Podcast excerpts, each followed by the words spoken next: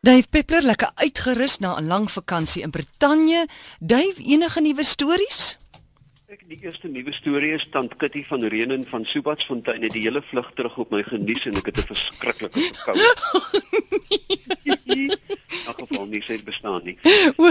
Hallo Onboere. Ja, dit gaan goed, maar ek is natuurlik weer in die tuigdiskant. Ja, ja nuwe stories. Onthou jy ek het verlede week vir jou 'n brief geskryf oor klein industrieë en klein boerdery. Ja. Weet jy die luisteraars het my oorval met e-posse en gesê Sela, Sela, Sela, ons wil meer klein is. Ons wil ons blikkie can gaan koop in die dorp en nie by die supermark nie. Ons moet gerus nog 'n bietjie meer werk aan hierdie uh, idee. Definitief. Weet, weet jy amore 'n ding wat my getref het. Ek is uh, wat min mense weet want ek lyk nie so nie. Is eintlik 'n ou kunsvraat, jy verstaan.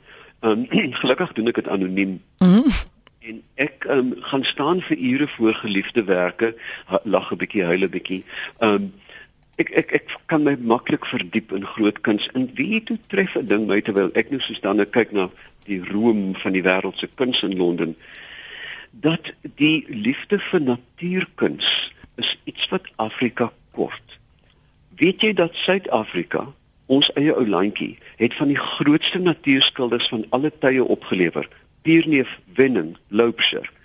Hulle was boere wat die natuur rou geskilder het. Meeste van Pierneef se se se vistas is die natuur soos dit was. Europa het dit nooit gehad nie. En dit het in 'n groot mate dink ek ons liefde vir die visuele in die natuur bepaal. Ons skildes, ons groot skildes, uh, Gabriel en Tinus de Jong, die berge van die Boland byvoorbeeld. Afrika het nie so kunste en ons moet begin vra, hoekom is daar nie 'n liefde vir die omgewing in terme van visuele inhoud nie? Dit is nogal 'n interessante hmm. ding hoor. Dan ek ek los dit net daar, ons kan 'n hele program daaraan wy. Maar die die ding wat my natuurlik dwars weer in die keel gesteek het was uh, Cameron se totale oorgawe en ingeneemdheid of ingenomenheid met uh, hidrobreking in Engeland. En dit het my 'n bietjie laat dink aan môre dat weet jy dat hierdie hele fracking hidrobreking debat is baie baie groter as net Suid-Afrika. Dis baie baie meer as die Karoo.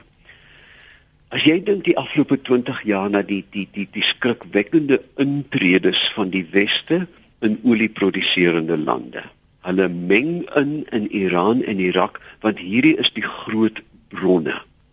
Waar lê die onstabiliteit om olie? Waar jy boor vir olie, hmm. soek jy moeilikheid. Maar wat my dan interesseer is, ons is bereid ons die die weste om in te tree in die ooste, maar ons is nie bereid om self af te skaal om iets soos hidrobreking uh, te vermy nie. Amerika sê nou ons gaan die hele land hidrobreek en dit gaan ons onafhanklik maak. Dit gaan ons nie meer doeltreffend maak nie, meer onafhanklik. En nou begin ek besef, dit gaan om onafhanklikheid, nie oor effektiwiteit nie.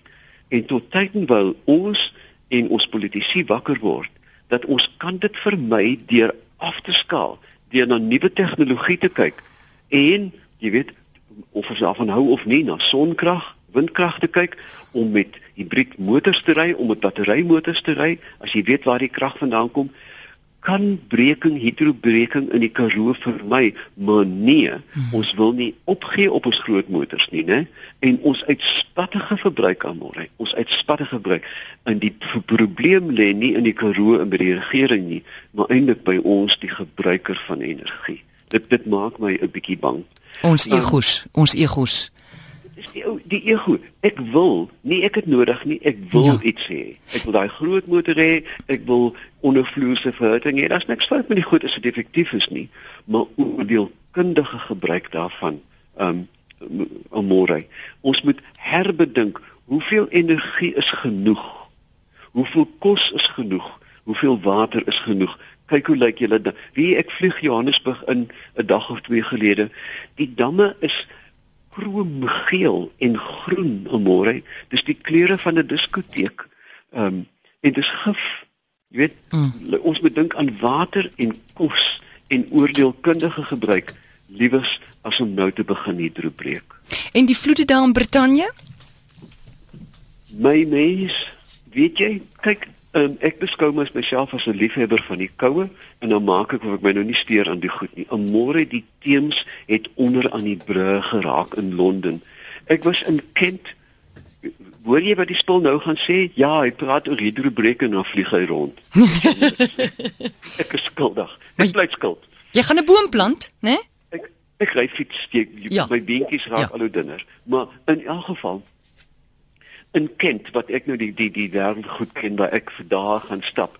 Waar daar beeskampe en skaapkampe was is daar meeuwe en swane om môre die landskap is verdronke nou ja dit het al gebeur en dit gaan weer gebeur maar nie met die frekwensie nie. Die vlae lig rooi vlae gaan op.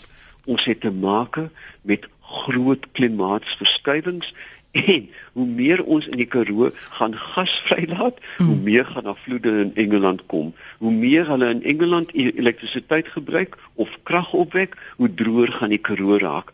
Ons moet begin dink, ons moet begin besef dat die aarde is 'n gemeenskap wat op vreemde maniere aan mekaar verbind is. Dis nie altyd sigbaar nie, maar krap aan die een kant en die hele ding skud aan môre. Ons moet versigtig wees. Die aarde is soos 'n dorpie, sien jy was jou buurman, jy kan hom nou e-pos by oompie by iafrica.com